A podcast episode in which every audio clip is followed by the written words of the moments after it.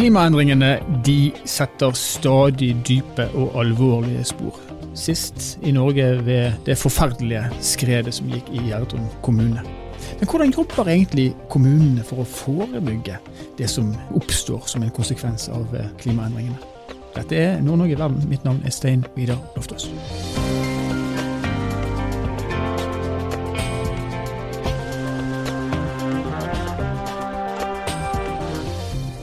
Det offentlige Norge, gjennom stat, kommune og fylkeskommuner, kjøper hvert år inn varer og tjenester for 560 milliarder kroner. Dette påvirker selvfølgelig klima og miljøet. Og Påvirkningen har én skyggeside og én solside. Skyggesiden er selvfølgelig at eh, innkjøp i denne størrelsesorden gir store utslipp. Solsiden er at gjennom å skrive anbudene riktig, så kan man redusere det klimafotavtrykket vesentlig. Men så var det det. Tar de dette ansvaret på høyeste alvor? Bruker de den makten som dette innkjøpsinstrumentet faktisk eh, gir de? Brita Ståhl hun er forsker ved kunnskapsbedriften Salt. og Hun har vært medforfatter til rapporten Klimaomstilling og tilpasningstiltak i offentlig sektor i Nord-Norge. og Den finner dere på kbnn.no. Velkommen til oss, Brita. Jo, takk, hyggelig å være her. Jeg har lyst til å starte med en ting, for jeg har lest rapporten fra, si, fra perm til perm, og der er jo mye og til dels oppsiktsvekkende ting som er å finne der. Men det er en del begreper, eh, og det som jeg først snubla i, det var altså begrepene klimaomstilling på den ene siden og klimatilpasning på den andre siden. Hva er forskjellen, og hvorfor har man valgt å på en måte splitte noe som kanskje kunne vært samla i, i, i ett begrep? Ja, dette handler jo om at vi eh, må både omstille til et lavutslippssamfunn, altså den muligheten vi har nå til å begrense økte klimaendringer i fremtiden. Så for en kommune så handler jo dette om tiltak for å redusere utslipp og fremme da, klimavennlig atferd. Så dette kan være fysiske tiltak som ladeinfrastruktur, kollektivtransportløsninger, bygg som er energieffektive, eller kanskje til og med produserer sin egen energi. Men så er det sånn at klimaendringene er jo allerede litt i gang, ikke sant. Så vi må samtidig redusere sårbarheten for klimaendringene gjennom klimatilpasningstiltak. Så for en kommune så kan det være å forbedre evnen til å håndtere lokale konsekvenser som overvann, flom, skred, altså helt sånne fysiske sikringstiltak, vannføringssikring, eller liksom det å imøtekomme disse økende eh, endringene som havnivåstigning, at vi faktisk endrer i arealplanene våre på hvor vi får lov til å bygge, eller at vi er flinkere til å bruke sånne blågrønne arealer i tettbebygde strøk som gjør at vi rett og slett kan absorbere mer vann og, og tåle mer ekstremvær. Ja, det var en grei forklaring, den skjønte selv jeg. Og Hvis jeg da går videre og spør, hvordan står det til altså med omstilling og tilpasningsarbeidet i den offentlige sektoren i, i Nord-Norge, da? Ja, kort eh, fortalt så er det et godt strekk i laget. Altså Noen er på ballen, vi ser noen kjempespennende prosjekter, og noen av disse får til og med nasjonal oppmerksomhet, men tallene i denne rapporten taler jo for at vi ikke bruker mulighetene, og at vi ikke er på ballen som et felles lag, da, som vi faktisk må være. Og det er jo selvfølgelig naturlig. Vi ser at de store, ressurssterke kommunene, de sentrumsregionene eh, som, som, klarer å samarbeide, de ligger foran. Og så er det sånn at de små og, og kommuner med mindre ressurser, mindre kapasitet, de faller bak. Og så må jeg si at dette med omstilling og tilpasning er jo noe som vi må bli flinkere til overalt i Norge. Flere rapporter fra Sintef, KS og Cicero peker på at arbeidet med klimatilpasning og omstilling kan bedres i, i, hele landet. Så det er ikke noe sånn at vi er kjempedårlige i nord.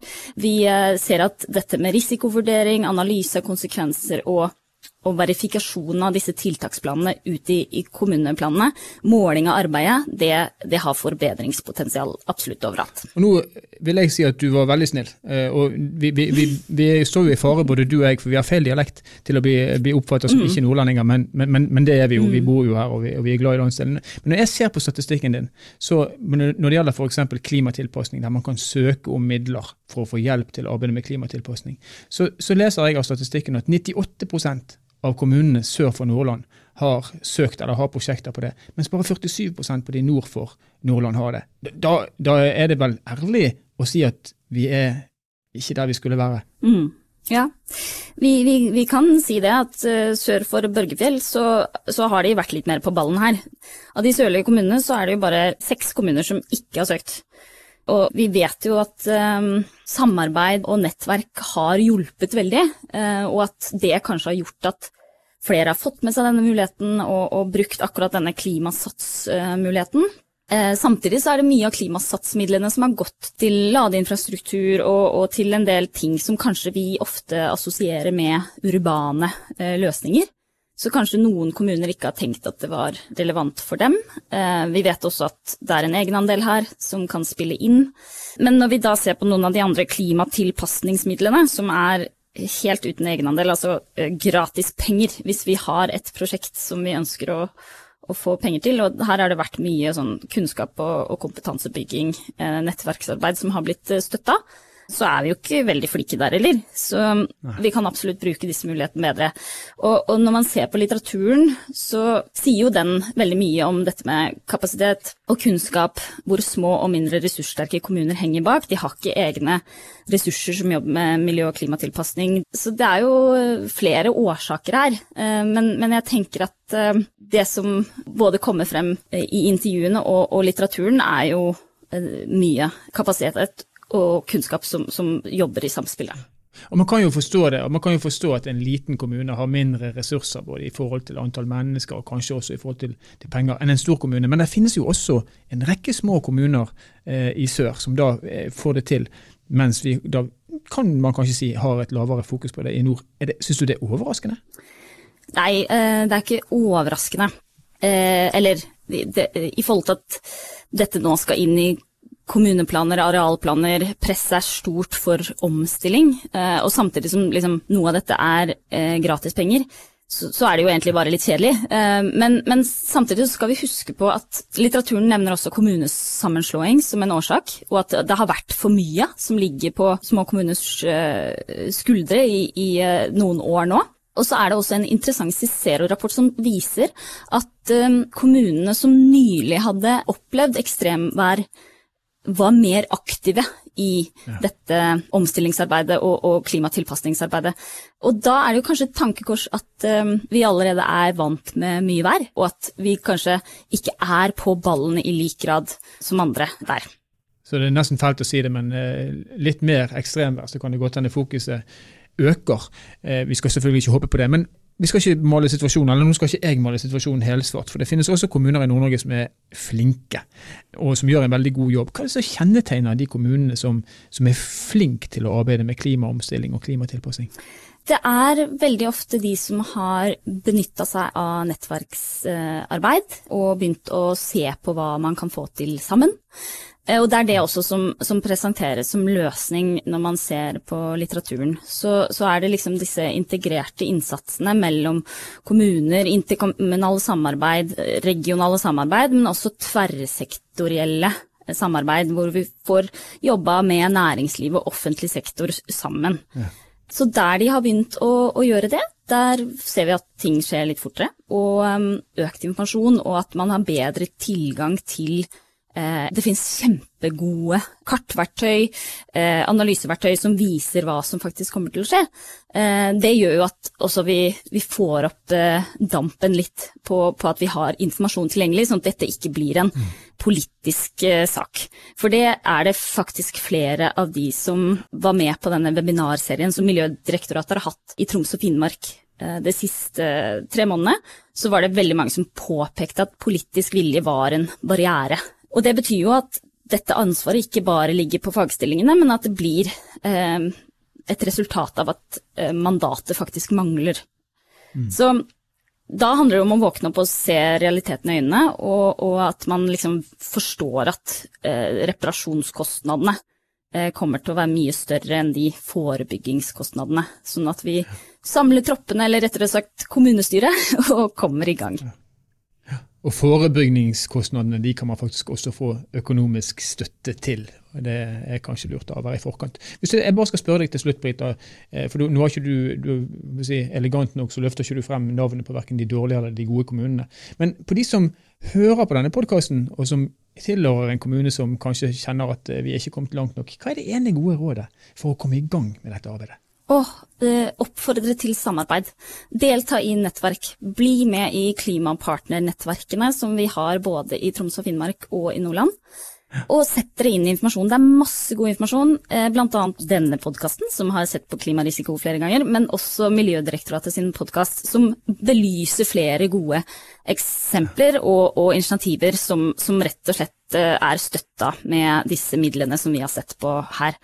Og så er det det at man eh, hvis man får det overblikket sammen, så, så, finner man også flere muligheter. Så blir det et litt mer positivt samarbeid som bidrar til langsiktig og integrerte plansamarbeid, som er det som vi ser at funker. Så her gleder jeg meg veldig til å se hva som skjer bl.a. i Lofotregionen med Lofoten de grønne øyene, og se hva som skjer rundt Bodø i forhold til den utviklingen som er der. Så hvis flere liksom kan få til de samarbeidene, så tror jeg at vi, vi er en region i litt mer i litt høyere omstillingstakt ganske snart. Det er viktig, det er ikke vanskelig, det finnes hjelp og det finnes penger. Tusen takk til deg, Brita Ståhl. Bare hyggelig.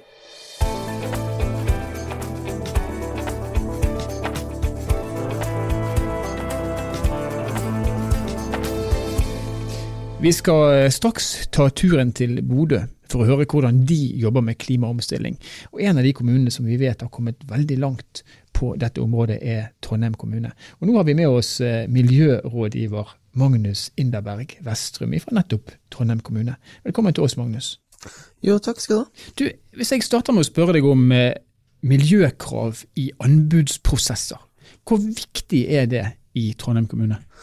Eh, det er veldig viktig. Vi ser at det er en veldig effektiv måte å få endra markedet til å levere varer og tjenester på en måte som gir totalt lavere klima- og miljøpåvirkning uh, i, verden, og bringer oss nærmere en bærekraftig fremtid, rett og slett. Men Opplever dere at eh, leverandørene deres, altså de som svarer på, de, på disse anbudene, har de forståelse for, eh, for de kravene som stilles?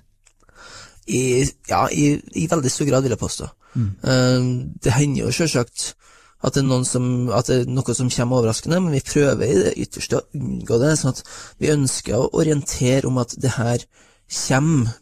Eh, for da ser vi at da er det større grad av forståelse fra leverandørene, og de er jo mer forberedt på at det kommer. Så for vår del så er det veldig viktig å ha aktiv dialog med markedet, mm. om, både om uh, konkurranser som kommer, og hvilke mål og ambisjoner kommunen har da, knytta til klima, miljø og bærekraft.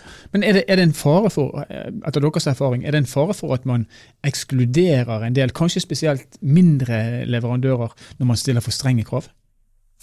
Ja, det er en utfordring, vil jeg si. Det handler noe om å ha en stor grad av forutberegnelighet. da. Vi ser jo da f.eks. på veidrift, altså de som driver og brøyter, der er det i stor grad mange små entreprenører. Så der er det noe vi må, vi må ta noen avveininger der i forhold til hvor streng man skal være, men at vi fremdeles er med og bidrar sånn at de klarer å omstille seg over tid. Så man klarer å vedlikeholde kan du si, markedet for små og mellomstore bedrifter. Trondheim kommune er en stor kommune i, i norsk målestokk. Eh, hvordan jobber dere i kommunen for å klare å opprettholde fokuset på, på miljø- og klimaarbeid, eh, altså i hele kommunen? Eh, nei, Vi jobber ganske bredt. Det er ganske mange forskjellige enheter og miljø i kommunen som jobber med det, fordi det favner så bredt. ikke sant? Det er veldig mange som kan påvirke utslippene i kommunen. Eh, så vi har jo f.eks. et klimabudsjett hvor eh, tiltakene ligger fordelt på de forskjellige enhetene som har ansvar for gjennomføring av forskjellige tiltak. Så det er veldig viktig for oss å mm. jobbe med de forskjellige sektorene hvor vi ser at eh, utslippene er store, eller, og hvor det er mulig å få redusert dem på en effektiv måte. Så dere fordeler altså utslippsmålene ned på de enkelte avdelingene? De enkelte enhetene har ansvaret for forskjellige tiltak. Og så har man en egen eh, På miljøenheten så har man en egen klimaavdeling som jobber med klimaplan, da. Og, og, og jobber ut mot de forskjellige enhetene, som uh, jobber med mer uh, håndfast. Trondheim kommune, miljøvennlig og ja, proaktiv i tankesettet sitt. Sikkert mange som kan lære av de. Tusen takk skal du ha, Magnus Inderberg Vestrum, miljørådgiver i Trondheim kommune. Takk skal du ha.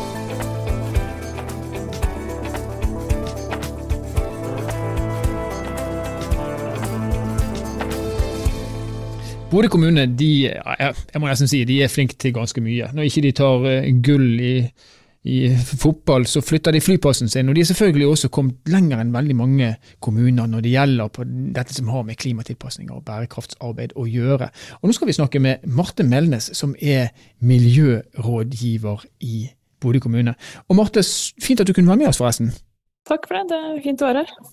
Helt sånn eh, innledningsvis, hvordan jobber Bodø kommune for å øke fokuset på, på bærekraft og klimatilpasning? Ja, altså Som vi vet så, så, er jo kommunen en ganske stor og relativt kompleks organisasjon da, med veldig mange roller og ansvarsområder. Så kommunen har jo sånn sett et godt utgangspunkt og stor mulighet til å jobbe, nettopp jobbe med bærekraft. Da, gjennom å være både forvalter av infrastruktur og vei og bygg, og vi er jo en stor utbygger, stor innkjøper. Eh, og så er det jo hvordan vi planlegger arealbruken vår, da, som har veldig store konsekvenser for utslippsutvikling. Og så er det jo det her eh, at vi har en viktig rolle som samfunnsutvikler. Og eh, Bodø kommune har jo, som du sier, mange initiativ og prosjekter nå med stort fokus på klima og miljø. Og jeg opplever at vi er inne i et skifte der bærekraft og klima og miljø går fra å være lenger ned på agendaen til å egentlig bli førende tema i det vi jobber med. Både innen drift og forvaltning i kommunens daglige virke, men også særlig innen disse utviklingsprosjektene vi har i kommunen. Da. Ja. Og da, da, må jeg jo selvfølgelig nevne det store byutviklingsprosjektet vårt, Nybegynner flyplass. Her er det jo heldigvis veldig stor politisk eh, høye ambisjoner knytta til bærekraft. Og den nye bydelen skal jo ikke den skal utvikles som, eh, som et såkalt eh, nullutslippsnabolag. Så vi jobber jo nå tungt ikke bare med klima og energi, men også dette med klimatilpasning, da, som du var inne på. Det vil jo si å, å jobbe med samfunnsutvikling til, til, å bli altså, Vi ønsker et robust samfunn eh, som er robust mot framtidens klima da, og de konsekvensene som er spådd som følge av de klimaendringene vi kommer til å se. Ja. Og det er jo noe av det viktigste vi fokuserer på fremtid, eh, fremover nå. Og prognosene er jo eh, mer nedbør, mer intensitet i været, og så ser vi jo da at naturen er jo best på å håndtere dette, og særlig dette med overvann de nedbørsmengdene vi kommer til å se. Så vi ønsker jo å, når vi overtar disse områdene etter Forsvaret, så ønsker vi å tilbakeføre naturområder. Vi ønsker å få det grønne inn i byen, og vi ønsker også å få naturmangfold høyere på agendaen. Og dette med grønne, grønne, områder og biomangfold er jo viktig både for klimatilpasning, men også så ser vi at det er store koblinger til menneske, menneskelig velvære og helse og livskvalitet, da, si sånn. Men her, her, her har Bodø kommune tenkt på, på, veldig mye. Du nevner alt fra biologisk eh, hensyn og til mm. eh, tilbakeføring og til grøntarealer der folk er osv. Eh, og, og dere er en stor innkjøper. Eh, Bodø kommune er st sikkert den største innkjøperen, i hvert fall hos det offentlige Nordland. Eh, har du inntrykk av at næringslivet i Nord-Norge er i stand til å levere på alle de miljøkravene som dere stiller i deres anbudsprosesser? Ja, um, altså som du sier så er jo innkjøpsmakta stor. Og innkjøp er jo et av kanskje det viktigste strategiske virkemidlet vi har når vi snakker om eh, klimaomstilling. Og der har oss offentlig sektor uh, et ekstremt stort ansvar. Vi er en stor kunde. Og det jeg mener med at, er, at innkjøp er et stort strategisk virkemiddel, er jo at når vi skal gjennomføre det grønne skiftet, så er det jo ikke bare viktig å ha klimakriterier i innkjøp for å redusere vår egen virksomhets klima, klimafotavtrykk, men, eh, men, det er også de signaleffektene som vi sender ut i markedet, da, når kommunen mm. begynner å etterspørre løsninger eller produkter som ikke nødvendigvis har vært vanlige til nå. Og jeg tror at uh, samfunnet og leverandører modnes i takt med at store offentlige innkjøpere blir flinkere på å ikke bare stille de rette kravene, men også etterspørre løsninger selv om de er umodne. Da, da vil jo markedet kunne omstilles. Jeg tenker det handler om å skape forutsigbarhet for særlig små og lokale leverandører til å f.eks. kunne gjøre store investeringer. Da. Det, det er viktig med dialog da, mellom de som utformer anbudene og leverandørene hva som er tilgjengelig og hva som er mulig. Så jeg har jo inntrykk av at uh, næringsliv i Nord-Norge vil være i stand til å levere på de miljøkravene som, som, stilles, spesielt nå som vi ser at flere og flere av de store offentlige innkjøperne her begynner å jobbe med de samme kravene, spesielt innenfor uh, ja, lavutslippsløsninger på byggeplasser, transport osv., men også ulike typer miljøsertifiseringer da, for produkter og tjenester og arrangementer til og med. Så det er kanskje ikke noe vei utenom eh, for, for de som er leverandører i, i Nord-Norge. Hvis de skal levere på offentlige anbud, så må de forholde seg til disse kravene. Ja, nei, det er, det er, på en måte ikke noen tvil om hvor vi ønsker å ende opp, da, og hvor, hvor, hvilken retning vi ønsker å mm. bevege, bevege oss. Så, mm. Men Bodø kommune er altså én av 80 kommuner, hvis ikke jeg husker helt feil, i Nord-Norge. og Dere er da helt åpenbart kommet langt på et område der mange har kommet mye kortere. Eh, hva kan de andre kommunene i, i Nord-Norge, og kanskje spesielt de, de små kommunene, hva kan de lære av Bodø kommune når det kommer til fokus på klimaomstilling og klimatilpassing? Mm. Ja, Først så, så, vil jeg jo si at det er jo viktig å gå bort fra tanken om at hensyn til klima og miljø er noe som er dyrt, eh, og som man gjør kun fordi man er pliktig. Det kan jo være nyttig å se miljø- og klimatiltak i sammenheng med helse og økonomi. Eh, det er jo ikke alltid motstridende interesser, heldigvis. Særlig er det jo viktig å få frem at eh, det som er gode klimatiltak, kan også være bra for lommeboka, da. Eh, hvis du tenker på investeringer, altså har vi råd for en investering nå som vi vet vil bli veldig dyr om noen år pga. f.eks. restriksjoner på bruk av fossile energiløsninger. Vi vet jo at prisen på CO2 kommer til å øke veldig fram mot 2030. Så, så det handler litt om om vi har råd til å vente på en måte. Og I, i Bodø kommune så setter vi også nå veldig stort fokus på dette med grønn utvikling, grønn kommune og eh, miljøvennlig by. Det er også en menneskevennlig by. Så vi syns det er viktig å koble miljøhensyn med økt livskvalitet. Da. Uh, og så vil jeg trekke frem at For Kommune-Norge så finnes det nå veldig mye god hjelp der ute fra statlig og nasjonalt hold. Det produseres jo i stor stil gode veiledere til å komme i gang med klimakriterier i innkjøp. Det finnes økonomiske støtteordninger for klimatiltak for kommunene. Og det blir jo flere og flere forum da, for å dele på de gode historiene og tiltak som fungerer og så videre. Men um, du kan si at der Bodø kommune har vært gode, så er det jo, der er det jo å snu noe som i utgangspunktet er negativt til noe positivt. da. Dette vedtaket om flytting av hovedflystasjonen vekk fra Bodø, det var jo i utgangspunktet en krise for Bodø. Men, eh, men, så var det jo da heldigvis en drivkraft da, til å snu dette til noe som kan gi store muligheter isteden. Så med det byutviklingsprosjektet så har vi egentlig et ganske blankt lerret. Eh, og så var det jo vilje til da, og ambisjoner om å utvikle bydelsområdet med bærekraft egentlig helt i førersetet. da. Og det, dette håper vi også kan knyttes til en stolthet og identitet da, for bodøværingene som skal bo og leve i den nye bydelen. Så man må liksom ha vilje og ambisjoner også, da, helst. Og det, det har vi jo heldigvis masse av i, i Bodø, kan du si. Ja. ja. det hører vi på deg. Det høres ut som du, eh, du, liker det du holder på med, og det er vel en, en god driver i seg sjøl. Tusen takk for at du kunne være med oss og dele av din kunnskap, Marte Melnes, miljørådgiver i Bodø kommune. Bare hyggelig.